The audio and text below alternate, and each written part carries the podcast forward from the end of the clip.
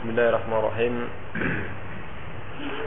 إن الحمد لله نحمده ونستعينه ونستغفره ونعوذ بالله من شرور أنفسنا ومن سيئات أعمالنا من يهده الله فلا مضل له ومن يضلل فلا هادي له أشهد أن لا إله إلا الله وحده لا شريك له وأشهد أن محمدا عبده ورسوله يا أيها الذين آمنوا اتقوا الله حق تقاته ولا تموتن إلا وأنتم مسلمون.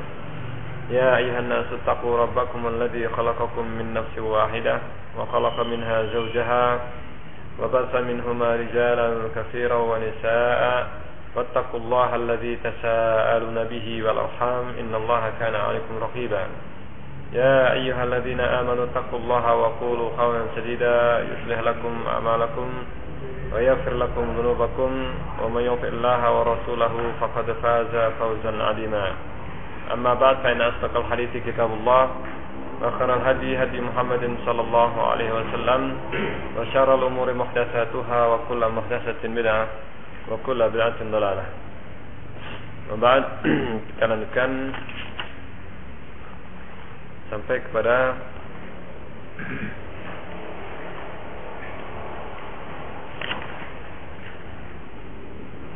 mana yang terakhir Ar-Rahmanul Astawa sekarang.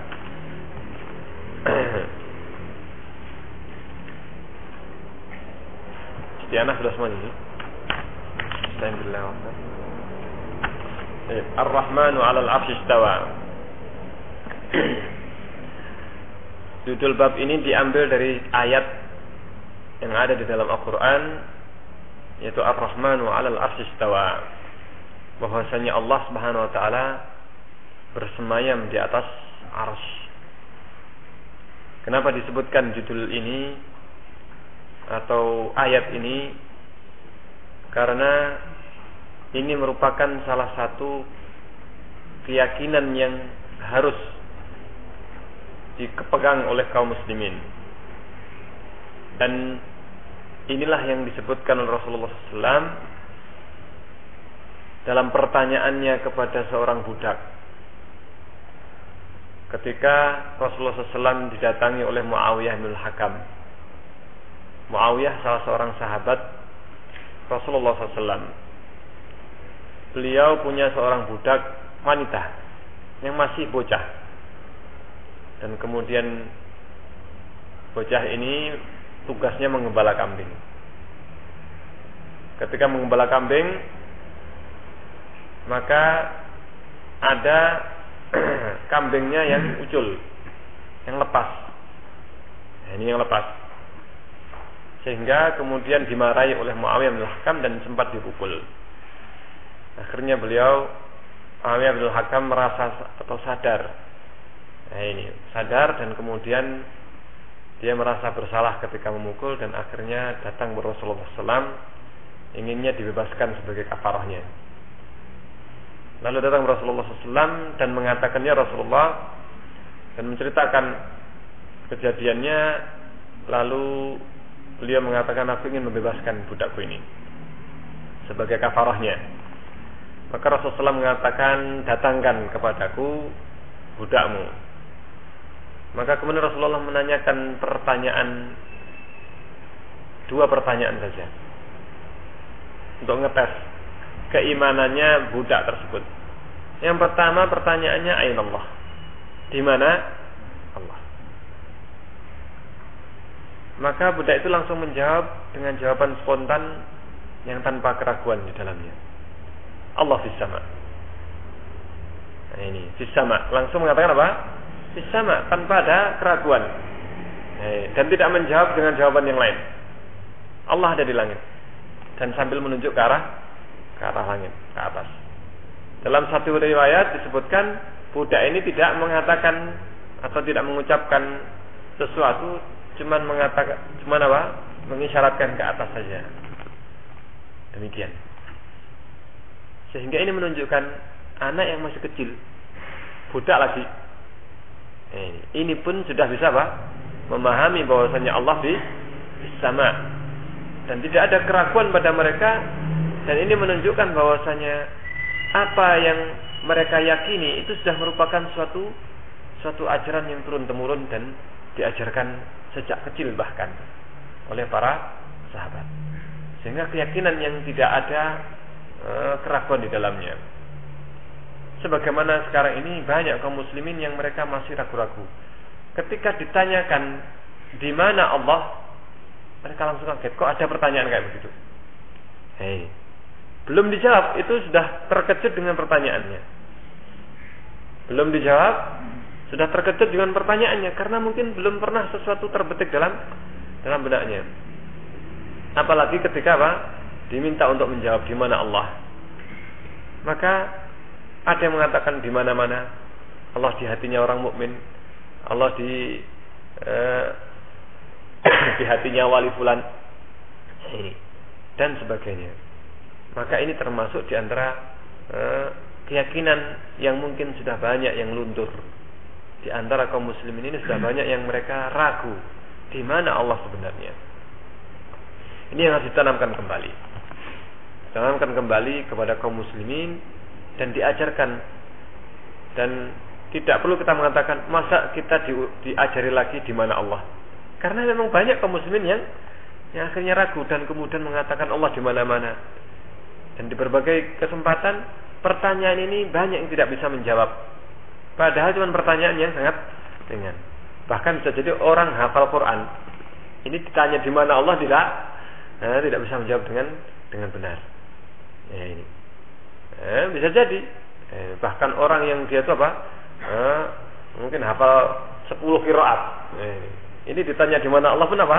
Eh, ragu atau tidak bisa menjawab dengan benar. Eh, tidak jawab jawaban yang tidak tidak meyakinkan. Padahal jariah ini ketika tanya Rasulullah dengan jawaban yang tepat dan Rasulullah SAW membebaskan karena jawabannya tersebut. Nah ini setelah pertanyaan kedua, waman ana siapa saya? Anta Rasulullah. Nah ini jawabannya cuma anda Rasulullah. Engkau adalah Rasulullah. Maka Rasulullah mengatakan, "I'tik hafa inah mu'minah." Bebaskan dia karena sesungguhnya dia adalah seorang mukminah. Seorang yang mukminah. Rasulullah cuma mengetes keimanannya dengan dua pertanyaan saja. Yang pertama adalah menanyakan keberadaan Allah Subhanahu wa taala. Nah sekarang ada yang mengatakan tidak boleh menanyakan di mana Allah. Ini. Padahal Rasulullah yang yang bertanya sendiri. Ini. Yang mengatakan tidak boleh menanyakan di mana Allah karena dia nggak tahu jawabannya. Ya ini. Dia nggak tahu jawabannya atau dia ragu. Sehingga ini membuat keraguan, nggak usah ditanyakan di mana Allah. Tidak boleh bertanya. Sampai demikian, ya, di antara tokoh atau kiai atau atau yang dikatakan bahkan ulama itu sampai mengatakan tidak boleh kita menanyakan di mana Allah. Tidak perlu kita menanyakan atau ngetes orang dengan eh, dengan pertanyaan di mana Allah. Bahkan seandainya boleh ngetes, nah ini keimanan seorang, maka eh, yang boleh ngetes adalah dengan satu pertanyaan ini tadi, yaitu pertanyaan di mana Pak? Allah dan siapa? Rasulullah. Seandainya kita boleh ngetes Eh, kecuali dengan dalil. Tidak boleh ngetes kecuali dengan dalil ngetes keimanan seorang. Apakah orang itu mukmin atau muslim atau bukan? Maka cukup dengan dua pertanyaan ini. Sebagaimana Rasulullah SAW eh, membebaskan, menyuruh untuk membebaskan budak, tapi dites dulu. Ini. Sehingga Muawiyah ini ketika Muawiyah bin Hakam mau membebaskan budak ditanya dulu kalau memang mukmin dibebaskan, kalau tidak tidak bisa dibebaskan. Ini syaratnya seorang seorang budak itu bisa dibebaskan kalau orang orang itu adalah seorang mukminah sudah masuk Islam. Nah, untuk bisa mengetahui keislamannya, Rasulullah cukup menanyakan dengan dua pertanyaan. Di mana Allah? Allah di sana. Wa man ana? Anan anta Rasulullah. Engkau adalah Rasulullah. Utusan Allah. Sehingga ini menunjukkan kalau begitu mukmin. Ini bukan pertanyaan yang ringan dan remeh. Tapi pertanyaan yang menjadikan suatu prinsip. Pertanyaan ini pertanyaan yang prinsipil. Eh, pertanyaan yang prinsipil. Makanya di sini dibahas tentang masalah keberadaan Allah di atas langit dan keberadaan Allah bahwasanya Allah bersemayam di atas arsnya. Dan ini penting. Laqad waradat ayatun wa ahadith. telah disebutkan beberapa ayat dan hadis wa aqwalus salaf dan aqwalus salaf dan perkataan para salaf dari para sahabat tabi'in, tabi'in, tabi'in dan seterusnya. Hey. Tusbitu yang menetapkan al-ulu walillah. Sifat ketinggian kemahatinggian Allah Subhanahu wa taala. Bahwasanya Allah ada di atas di atas langit. Di atas ars, bersemayam di atas ars. Ibnu Qayyim ini atau Imam Az-Zahabi. Imam Az-Zahabi salah seorang ulama yang dia termasuk uh, pertengahan uh, zaman pertengahan Imam Az-Zahabi ini. Beliau menulis kitab yang berjudul Al-Ulu. Kitab yang berjudul Al-Ulu. Al-Ulu adalah maksudnya ke ketinggian maksudnya menetapkan kemahatinggian Allah dan menukil asar dan menukil uh, perkataan dari mulai sahabat sampai zamannya Imam Az-Zahabi yang menetapkan sifat al-ulu baik itu hadis atau ayat atau hadis ataukah asar dari para salaf demikian juga uh, Syekh uh, Ibnu Qayyim rahimahullah taala menyusun kitab Istima'ul Juyush. Istima' apa? Al-Juyush. Menetapkan firman Allah uh, Al-Qur'an sebagai kalamullah dan kemahatinggian Allah. Ini khusus mengumpulkan para uh, salafus soleh bagaimana perkataan mereka disusun dalam kitab ini. Ini kitab Al-Ulu ini yang disusun oleh Muhammad Zahabi diringkas oleh Syalbani diringkas hadis-hadis yang sahih diringkas hadis-hadis yang yang sahih yang menunjukkan uh, kemahatinggian Allah. Di antaranya di sini dicuplik sebagian saja yang menetapkan kemahatinggian Allah dan keberadaan Allah di atas arsnya. Yang pertama kalau Allah Ta'ala ilaihi yas'adul kalimut tayyibu wal amalu salihu yarfa'uhu kepadanya kepada Allah lah yas'adu naik kalimat-kalimat thayyibah, kalimat-kalimat yang baik, perkataan yang baik. Wal amal saleh dan amal-amal soleh. Yarfa'uhu mengangkat ah, amal soleh itu akan diangkatnya, mengangkatnya. Allah mengangkat kepadanya. Namanya naik atau mengangkat. Apakah pernah namanya mengangkat ke bawah atau naik ke bawah? Ada nggak di dalam bahasa naik ke bawah? Jelas namanya naik adalah adalah ke atas. Najahatil ulu. Ini ke arah atas. Karena arah atas itu menunjukkan kemahatinggian dan menunjukkan kemuliaan. Hei. Makanya apa? Makanya seorang raja di dalam suatu uh, kerajaan atau istananya, maka pasti dia ditempatkan paling apa? Paling tinggi, singgasananya antara yang lainnya. Sehingga tempat duduknya diberikan kedudukan yang tinggi. Demikian juga orang yang diagungkan, maka ditaruh di tempat yang tinggi. Karena tempat yang tinggi ini menunjukkan kemuliaan. Menunjukkan kemuliaan mutlak. Sehingga semakin tinggi maka dia yang paling apa? Yang paling yang paling eh, yang paling mulia. Orang yang menang maka dia ditempatkan di tempat yang paling tinggi. Demikian juga surga yang paling tinggi. Ini adalah yang paling yang paling derajatnya paling uh, paling besar, paling nikmat. Maka Rasulullah SAW mengatakan jika kamu menginginkan surga, minta kepada Allah di surga, mintalah Jannatul Firdaus. Mintalah surga Firdaus. Karena dia yang paling tengah dan yang paling tinggi.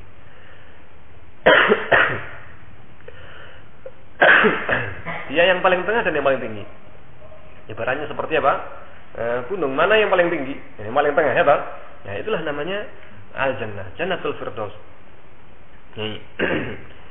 Sehingga dikatakan di sini ya su'adul kalimat thayyib.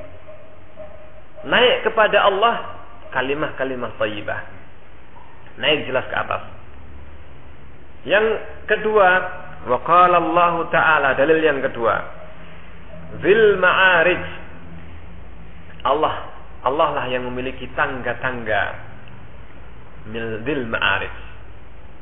Ta'rujul malaikah. Yang malaikat itu naik. Naik tangga itu ta'ruju. Waruhu dan ruh. Ruh maksudnya adalah malaikat Jibril. Waruhu ilaihi kepada Allah SWT. Naik kepadanya. Naik tangga. Ini ta'ruju.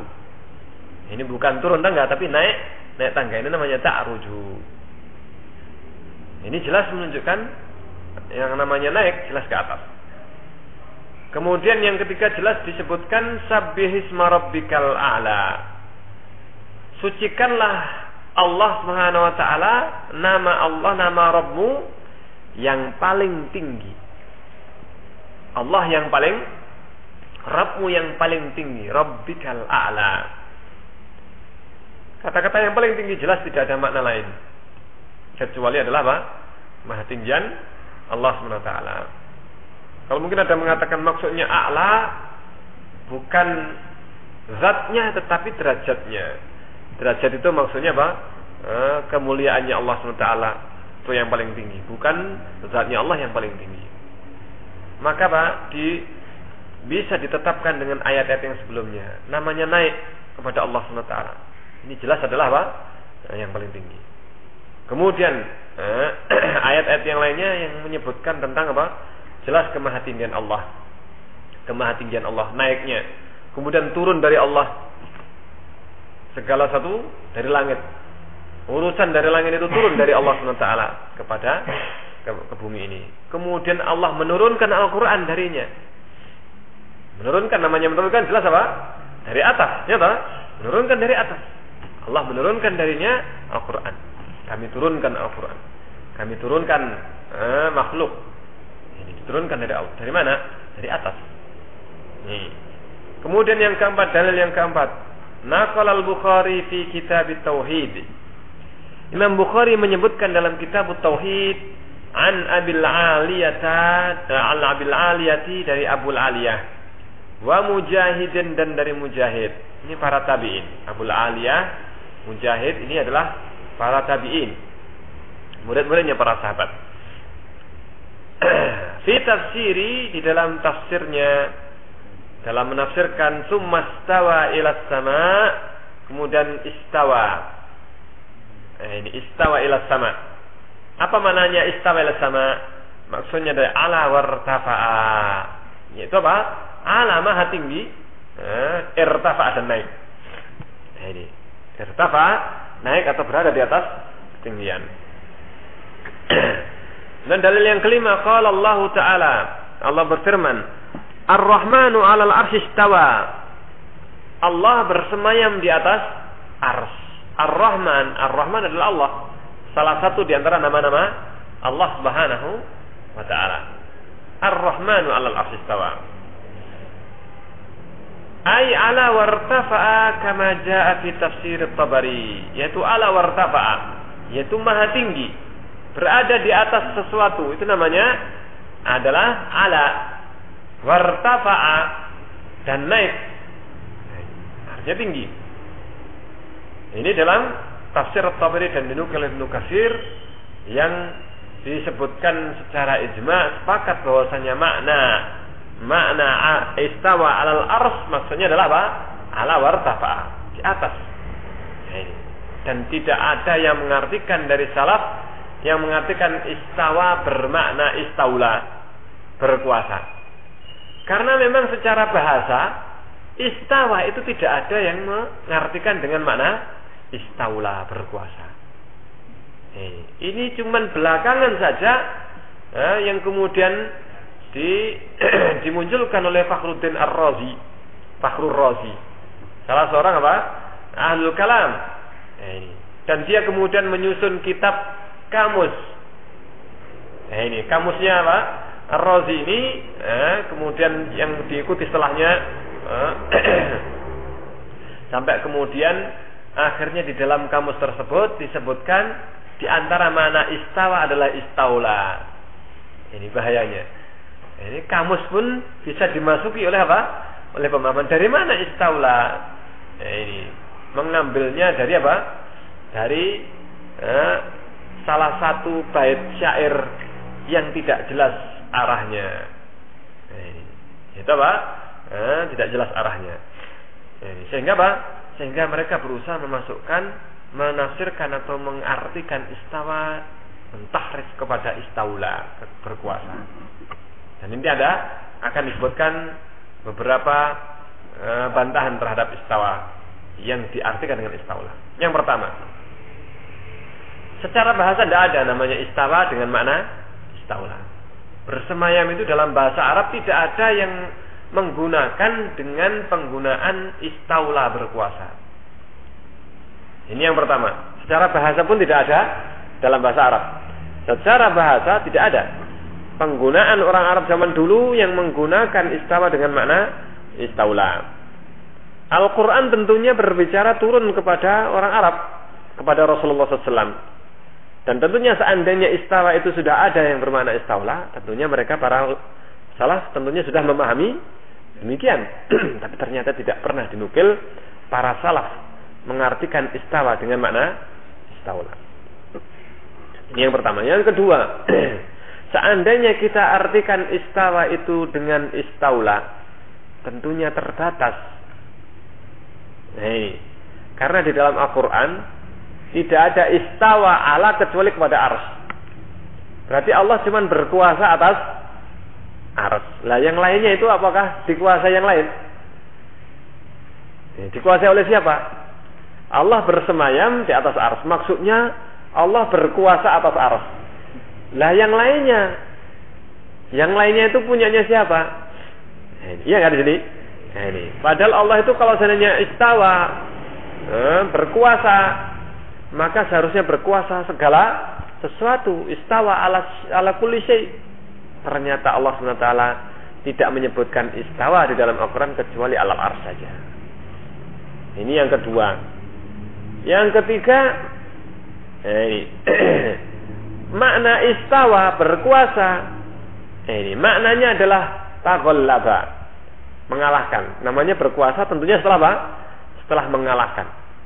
Karena makna istaula ini tentunya sebelumnya sudah ada yang apa? Nah, yang ada maka dikuasai oleh Allah. Ini cara bahasa demikian. Walaba. Maknanya adalah mengalahkan dan menguasai. Nah sekarang siapa sebelumnya yang menguasai aras? Sebelum Allah SWT.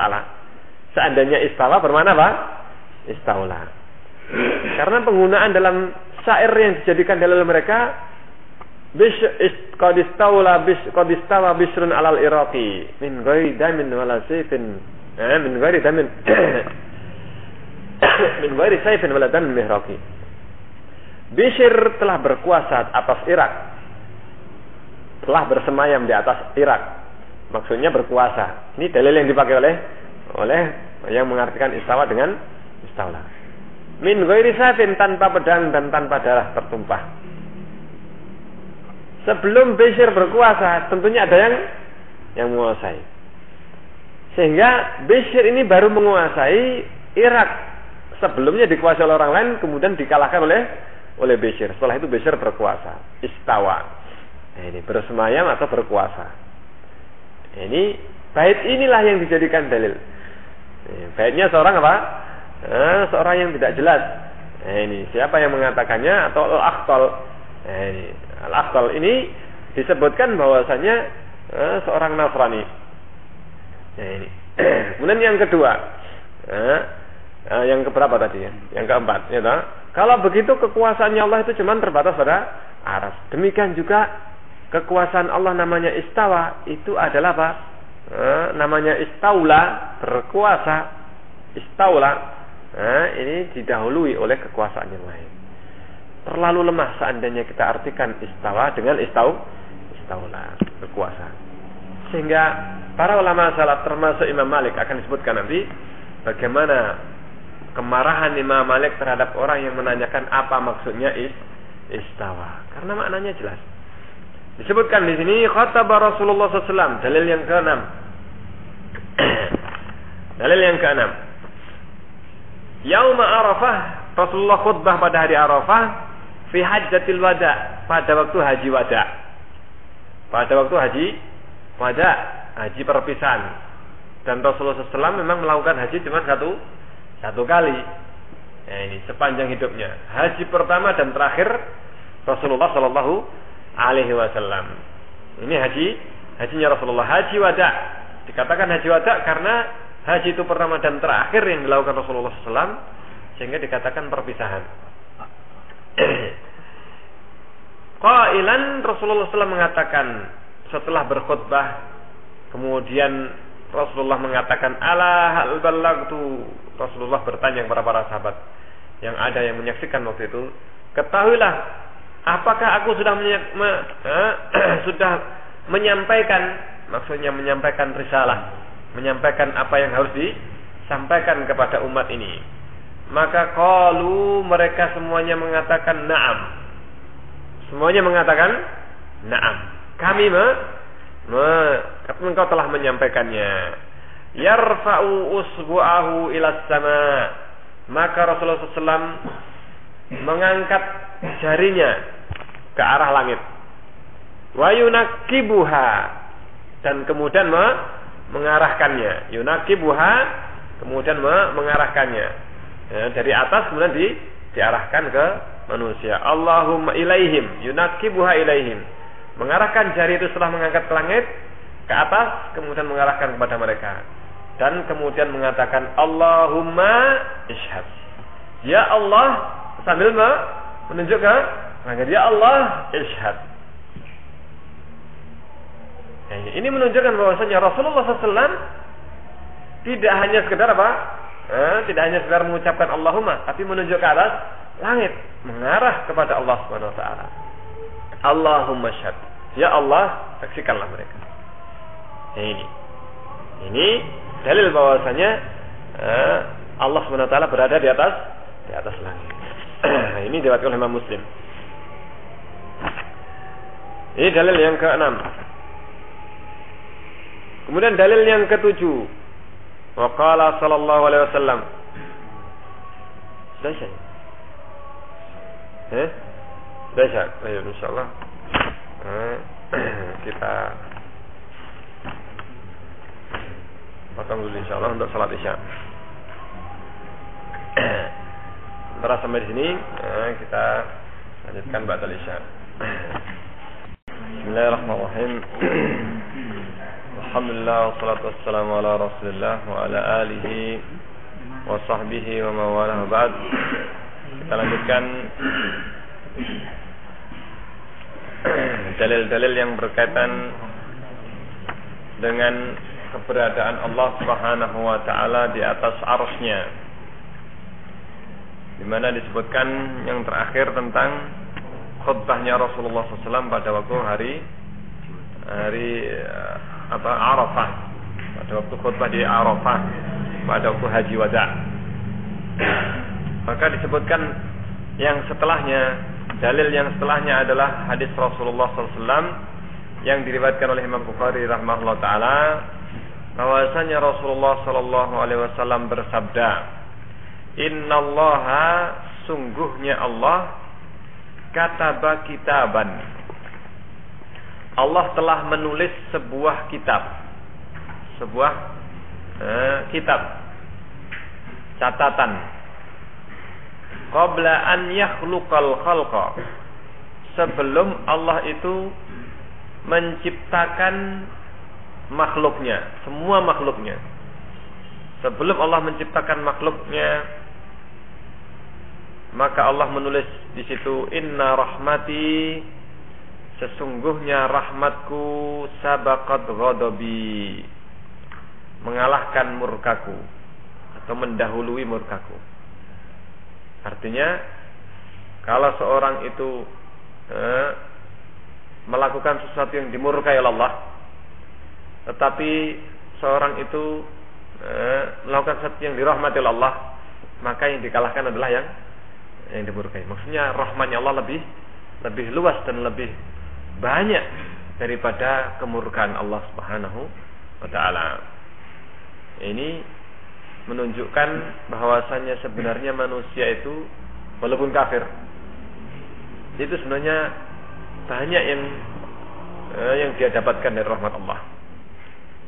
seandainya seorang itu nanti masuk neraka orang kafir atau orang muslim berarti sebenarnya eh, sebenarnya dia telah mendapatkan sesuatu yang atau melakukan sesuatu yang sangat apa sangat banyak bermaksud kepada Allah karena orang yang bermaksiat sebanyak apa pun maksiatnya kalau seorang itu bertobat maka semuanya itu akan di dihapus oleh Allah Subhanahu wa. Dosa apa pun. Kalau seorang itu eh, dia melakukan dosa sepanjang hidupnya, di akhir hidupnya sebelum mati dia apa? Tobat. Ini sebelum dia mati tobat, maka dia akan di diampuni oleh Allah Taala. Ini dosa apa pun yang dia lakukan. Ini karena rahmatnya Allah itu apa? Mengalahkan dan eh, mendahului kemurkaannya. Ini. Sehingga tidaklah seorang masuk neraka kecuali orang yang sudah betul-betul melakukan kemaksiatan yang sudah berat. Yang sudah berat. Sehingga ini yang yang disebutkan oleh uh, oleh Rasulullah SAW uh, eh, dari Allah SWT bahwasanya rahmatnya Allah itu telah mendahului kemurkaannya. Sehingga Allah mengadab orang kafir dan orang ahlul Islam orang muslim yang masuk neraka itu betul-betul dengan keadilan Allah, bukan dengan kezalimannya. Karena seorang yang berbuat keburukan itu Allah tidaklah mengganjarnya kecuali setimpal atau sesuai dengan amalannya. Tetapi kalau orang berbuat kebaikan, maka kebaikan itu diganjar oleh Allah dengan berlipat ganda. Berlipat-lipat dari apa yang seharusnya dia dapatkan. Ya ini. Sehingga ibaratnya seorang yang dia itu melakukan keburukan dan kebaikan yang tingkatannya sama. Yang tingkatannya sama. Seorang melakukan keburukan. Nah ini keburukan eh, dan dia melakukan kebaikan. Maka yang dia dapatkan keburukan ganjarannya apa? Satu keburukan nanti umulkan. Tapi ketika dia melakukan kebaikan, dia mendapatkan 10 minimal minimal 10 ganjarannya. Berarti sudah Pak, seandainya sama-sama melakukan satu kebaikan, satu keburukan, maka tetap yang menang adalah kebaikannya. Ini kalau seorang melakukan 10 keburukan, dia melakukan satu kebaikan, maka seimbang. Minimal. Dan bisa lebih dari apa? Dari itu. Maksudnya apa? Kebaikan itu minimal 10 kali lipat ganjarannya dan bahkan bisa dilipat gandakan lebih dari dari 10 kali lipat. Ini menunjukkan rahmatnya, rahmatnya Allah Subhanahu wa taala. Inna rahmati sabaqat ghadabi. Fahuwa maktubun. Eh, tulisan Allah ini bahwasanya rahmatku mendahului murkaku ini tertulis indahu di sisi Allah taala. Artinya memang Allah telah menetapkan. Allah telah eh, menetapkan untuk dirinya bahwasanya rahmatnya Allah itu mendahului uh, murkanya. Fauqal arsy. Tulisan itu ada di sisi Allah, fauqal arsy, di atas arsy. Di sisi Allah di atas arsy. Ini menunjukkan bahwasanya Allah berada di atas di atas arsy. Karena tulisan itu di sisi Allah, di atas arsnya. Ya, di atas arsnya. Ini. Ini dalil yang ketujuh yang menunjukkan bahwasanya Allah berada di atas arsy. Yang kedelapan waqala sallallahu alaihi wasallam. Rasulullah SAW bersabda, "Ala ta'manuni? Tidakkah kalian itu percaya kepadaku? Wa ana aminu man fis sama." Padahal aku adalah kepercayaan yang ada di langit. Kepercayaannya yang ada di di langit. Maksudnya apa? Aku kepercayaannya Allah. Akulah yang dipercayai oleh Allah SWT untuk menyampaikan risalah, untuk menyampaikan agamanya ini, agamanya Allah SWT. Kenapa kalian tidak percaya kepadaku? Ini hadis ini disampaikan Rasulullah SAW kepada para sahabat ketika e, mereka tidak puas. Nah, ini salah satu riwayatnya di antaranya ada seorang eh, yang tidak merasa puas dengan pembagiannya Rasulullah SAW. Bagi ghanimah yang satu lebih banyak. Bahkan baru masuk Islam dikasih lebih lebih banyak daripada sahabat yang sudah lama. Ya, ini. Maka keheranan lu ini kenapa kok di, diberikan? Apalagi seorang apa seorang yang dia itu apa malah justru eh, merasa apa ini pembagian yang tidak adil. Maka Rasulullah SAW kemudian mengatakan, Allah tak manu nih. Tidakkah kalian itu percaya kepadaku? Wong yang di atas langit saja percaya kepada aku. Aku kepercayaannya yang di atas langit.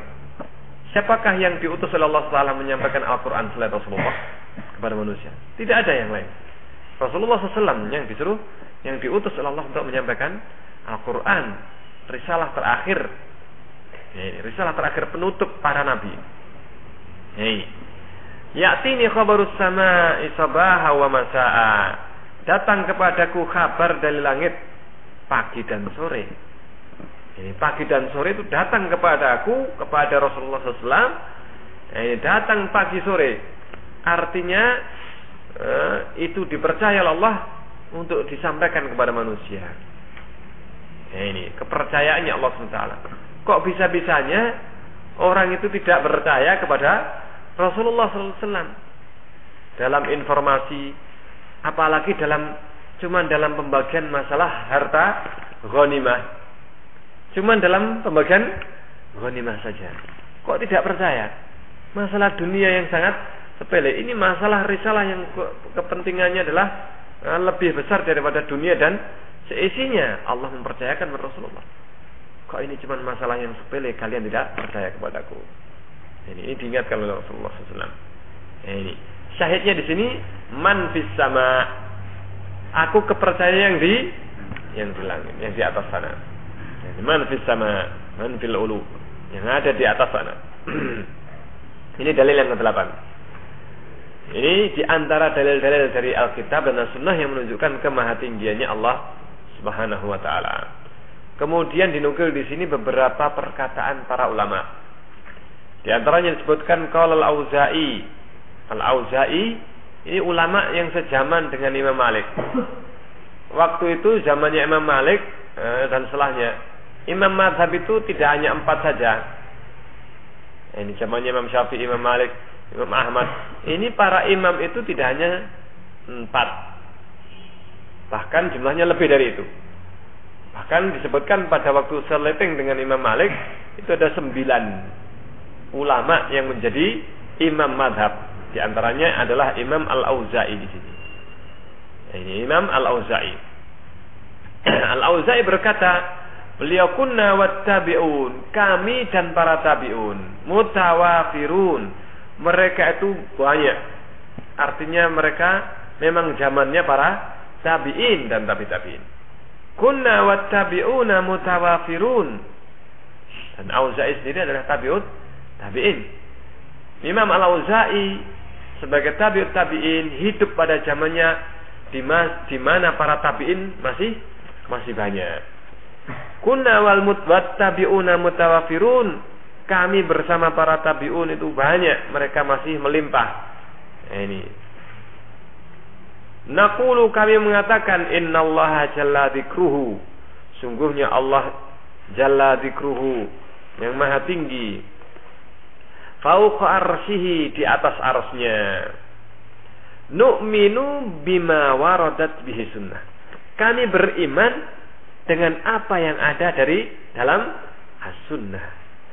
Yang ada di dalam as-sunnah, sunnah Rasulullah dan sunnah para sahabat, itu kami beriman dengannya. Dengan apa saja yang eh, disumberkan dari as-sunnah min sifatihi yang berkaitan dengan sifatnya Allah. Ini menunjukkan bahwasanya akidah, keyakinan itu tidak hanya diambil dari Al-Quran saja tetapi diambil dari as-sunnah. Apa saja yang berkaitan dengan sifat Allah, baik itu Al-Quran ataukah as-sunnah, maka wajib di, diyakini dan diambil. Ini menunjukkan keyakinannya mereka. Dan tidak ada yang namanya mereka membagi-bagi hadis mutawatir, hadis ahad sebagaimana yang sekarang banyak eh, dibicarakan. Oh itu kan hadis ahad tidak bisa kita jadikan pegangan dalam masalah akidah. Eh, tetapi di sini disebutkan bahwasanya kami dan para tabiun mutawafirun kami mengambil Ini kami uh, meyakini beriman. Namanya beriman kan namanya lebih daripada keyakinan. Nah, ini karena beriman mesti harus apa? Yakin. Tidak mungkin iman itu adalah ragu. Ini jelas harus yakin. Ini tasdik. Ini meyakini. Ini jelas akidah. Ini.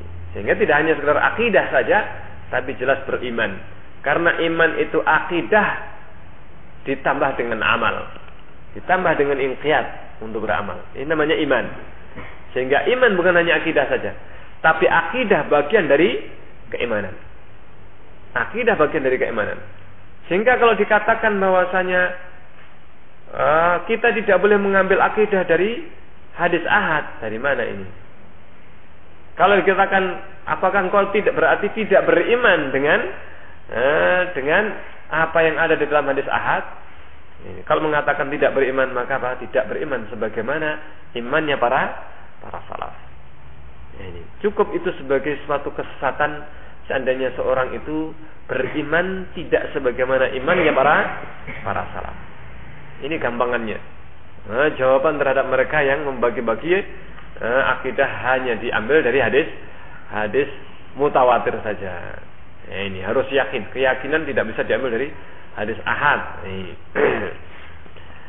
Maka disebutkan di sini ya, kami mengatakan bahwasanya kami beriman dengan apa yang saja yang disebutkan dalam as-sunnah yang berkaitan dengan sifat Allah.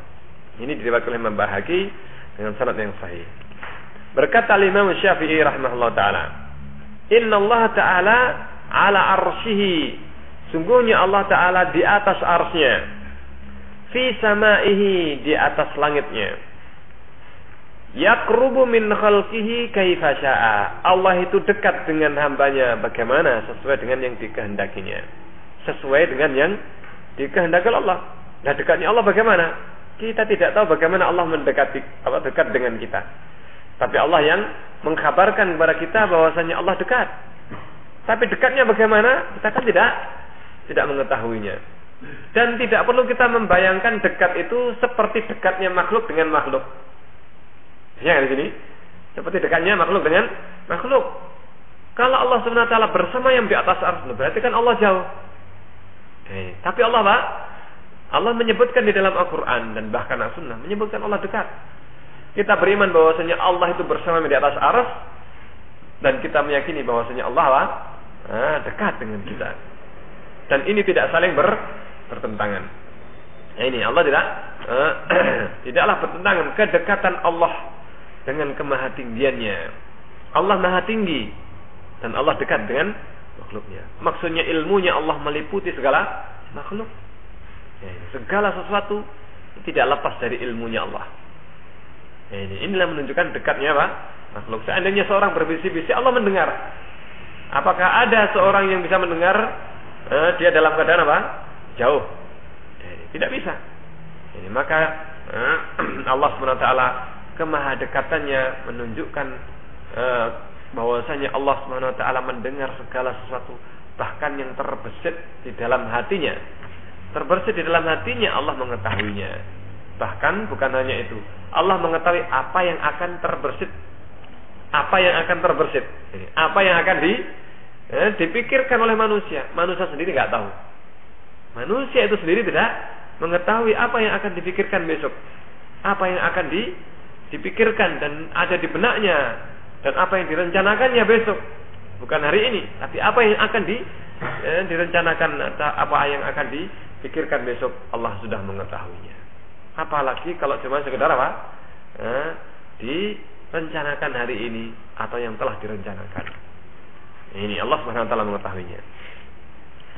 Qala eh, Imam Syafi'i mengatakan Allah itu di atas arusnya, di atas langitnya. Allah dekat dengan hambanya sesuai dengan yang dikehendaki oleh Allah. Sehingga Imam Syafi'i eh, mengumpulkan dua sifat ini. Allah Maha Tinggi di atas arsnya dan Allah dekat dengan dengan hambanya. Wa Allah yanzilu ila sama'i dunya dan bahwasanya Allah itu turun ke langit dunia kaifa sesuai dengan kehendak Allah. Bagaimana? Nah, apa sesuai dengan yang diinginkan oleh Allah Subhanahu taala. Bagaimana nah, turunnya Allah yang mengetahuinya. Rasulullah pun tidak mengkabarkan kepada kita turunnya Allah SWT. Bagaimana turunnya? Tidak kita ketahui. Eh, Rasulullah SAW juga tidak mengkabarkan dan Rasulullah juga tidak mengetahuinya. Eh, ini tidak mengetahuinya. Allah SWT yang yang Maha tahu. Qala Abu Hanifah, Abu Hanifah berkata, "Man qala la a'rifu barang siapa ini kerasnya Abu Hanifah. Ini kerasnya Abu Abu Hanifah. Barang siapa yang mengatakan la a'rifu, saya tidak tahu. Rabbi fis sama am fil ardi. Apakah Robku itu di langit ataukah di bumi? Eh, paham sini? Eh, barang siapa yang mengatakan saya tidak tahu apakah Allah di langit ataukah di di bumi. Faqad kafara maka dia telah kafir. Eh, ini. Bagaimana dengan orang yang mengatakan Allah di eh, di mana-mana? Eh, eh, parah ini, ya toh? Eh, ini. Maka Imam Abu Hanifah begitu kerasnya dia mengatakan faqad kafara. Dia telah kafir. Lianna Allah yakul karena Allah berfirman, Ar-Rahmanu 'alal arsy Allah bersemayam di atas di atas arsy. Nah ini. Ini jelas menunjukkan bahwasanya Allah bersemayam di atas arsy. Nas. Tidak ada makna lain. Nah, bagaimana dengan orang yang mengatakan, "Oh, Allah di mana?" Oh, ikhtilaf. Diperselisihkan. Loh, Allah kok diperselisihkan di mana? Ya di sini. Apakah mungkin keberadaan Allah kemudian diperselisihkan? Ini satu hal yang tidak akan akan mungkin eh, oh perselisihan pendapat para ulama di mana Allah. Eh, ini, ulama yang mana yang di eh, diperselisihkan. Ini. Wa ars barang siapa? Nah, wa arsuhu fawqa sab'i samawat. Arsnya Allah itu di atas tujuh langit. Ini jelas. Nah, di atas langit yang tujuh. Fa'in qala. Nah, kalau ada yang mengatakan Innahu alal ars. Allah di atas arsnya. Ya, ini yang kalau ada orang mengatakan ketika ditanya di mana Allah, Allah di atas arsnya. Walakin yakul, tapi dia mengatakan la adri al arsu fis samai am fil ardi. Arsnya Allah itu di langit ataukah di di bumi? Maka fakat kalau wa kafirun. Ini juga kah? Juga kafir. Ini. Kalau begitu bagaimana dengan uh, yang uh, tidak mengatakan ini tadi? Wahwa kafir, maka dia kafir. Li'annahu angkara annahu fis sama. Karena dengan demikian dia mengingkari keberadaan arsnya di atas langit. Karena jelas dalilnya arsnya Allah di atas di atas langit. Faman angkara annahu fis sama fakat kafara. Maka barang siapa yang mengingkari arsnya Allah sehingga sananya Allah di atas langit, maka dia telah kafir. Li'anna Allah a'la illiyin.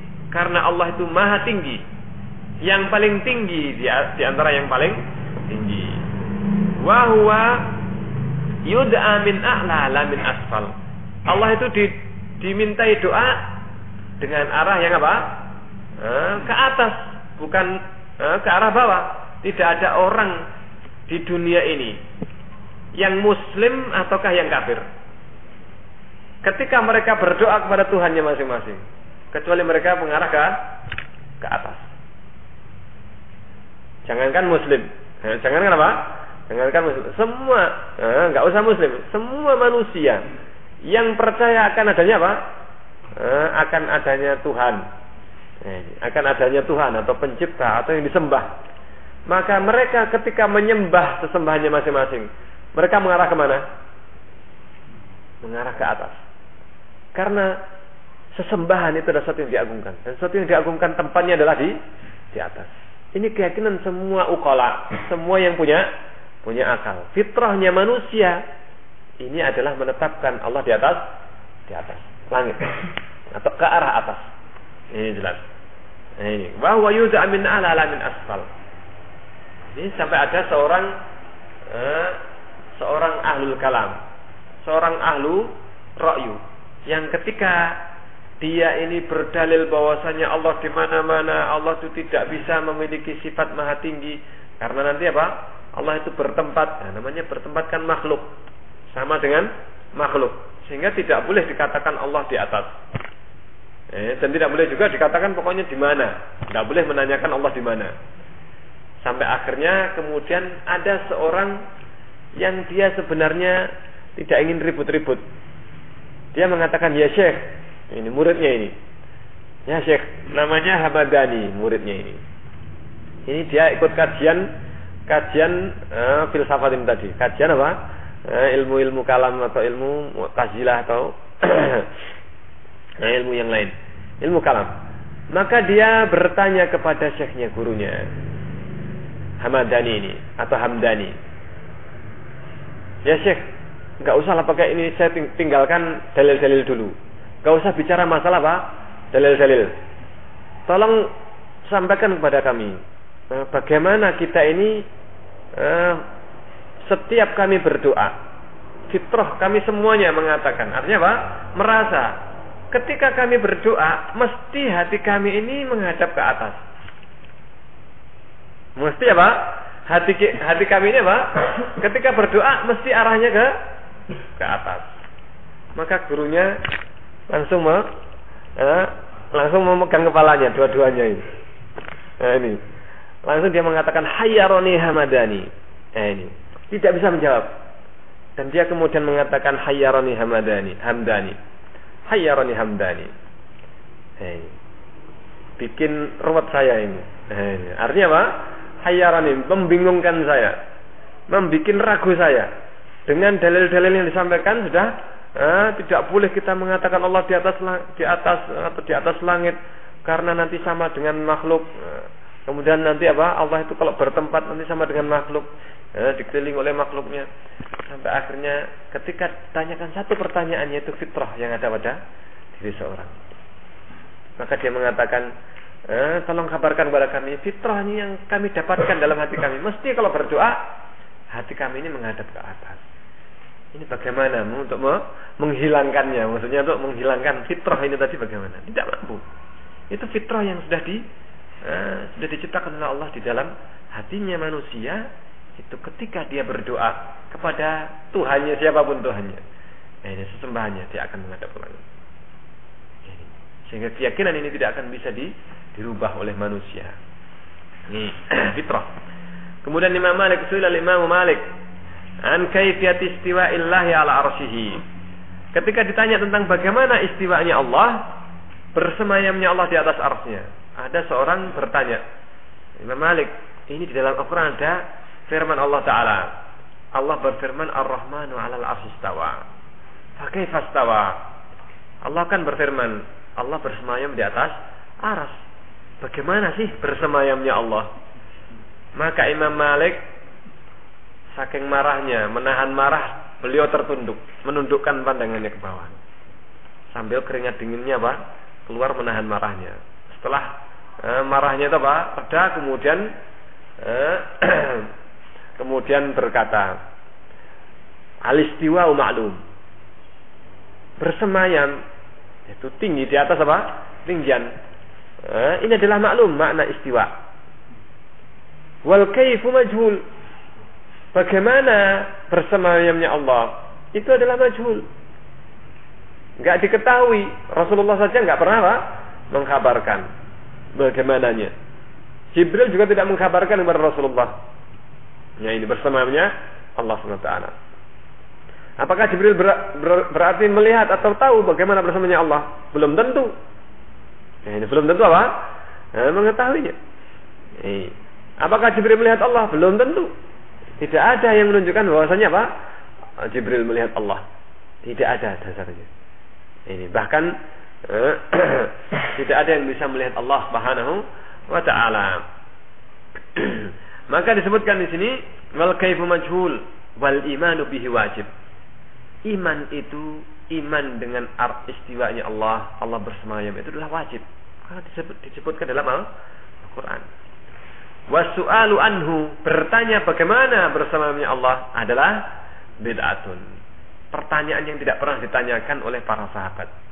Dan tidak ada perlunya kita ber bertanya. Tidak sampai akal kita untuk menanyakan bagaimananya eh, bersamanya Allah.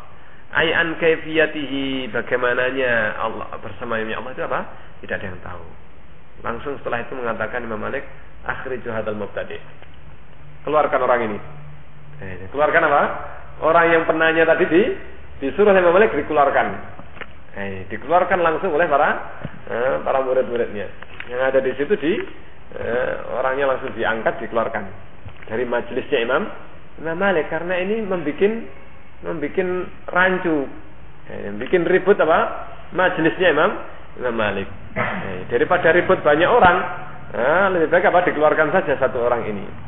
Eh, maka eh, la yajuzu tafsirus tawa bima'na istaula. Tidak boleh menafsirkan istawa itu dengan makna istaula, berkuasa.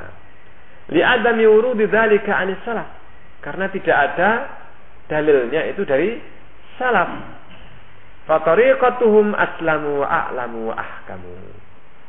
Jalannya, metodenya mereka di dalam memahami sifat Allah itu lebih selamat, lebih a'lam dan mereka lebih tahu tentang Allah daripada kita. Wa ahkam dan lebih kokoh ilmunya mereka. Ibnu Qayyim qala Ibnu Qayyim Ibnu Qayyim al-Jauziyah berkata Ibnu Qayyim laqad amara Allahu al-yahuda an yaqulu hittah Allah itu memerintahkan orang-orang Yahudi untuk mengatakan hittah. Nah ini. Hittah. Faqalu hintah. Maka mereka menambahkan apa? Nun. Hittah ditambah apa? Orang Yahudi menambahkan nun. Nah, ini. Tahrifan mereka dalam rangka untuk lari dari kata-kata hittah. Nah, ini hintah. Wa akhbaranallahu annahu sementara Allah mengkabarkan kepada kita bahwasanya Allah istawa alal ars. Faqala al muta'awwilun orang-orang yang suka mentakwil itu mereka mengubahnya dengan mengatakan apa? Istaula. Istawa ditambah lam. Kalau orang Yahudi menambahkan apa? Nun. Ini orang ahlul ahlul takwil, orang yang suka mentakwil Al-Qur'an menambahkan lam. Nah ini. Fandur, maka kata Ibnu Qayyim, lihatlah. Ma asbaha lamuhum. Nah ini, alangkah serupanya lamnya mereka. Lamnya siapa ini? Lamnya ahlu takwil. Nah ini, kaum muslimin yang mereka suka mentakwil uh, Al-Qur'an ini tadi. Alangkah serupanya lamnya mereka. Allati zaduha yang mereka tambahkan dalam istawa menjadi istaula berkuasa. Binunil yahud dengan nonnya orang Yahudi. Eh, dengan nonnya orang orang Yahudi yang merubah Taurat atau merubah perintah Allah untuk mengucapkan hetah ditambah nun. Ditambah dengan nun menjadi hentah ini gandum. Alati zaduha yang mereka tambah. Sehingga mereka menambah nun orang ahlu ta'wil menambah apa lam ini. Sehingga mirip tasyabuh dengan mereka. Ini, tahrif. Mentahrif Al-Quran sebagaimana orang Yahudi mentahrif perintah Allah Subhanahu wa taala eh, di dalam Tauratnya. Sebutkan naqlahu Muhammad Al-Amin Syangkiti an Ibnu Qayyim. Jadi dinukil oleh Syekh Muhammad Amin Asy-Syangkiti rahimahullah taala.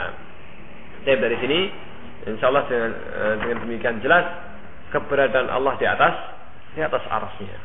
Ini. Insyaallah kita lanjutkan pada kesempatan yang lain. Subhanakallahumma rabbana wa bihamdik asyhadu an la ilaha illa anta astaghfiruka wa atubu.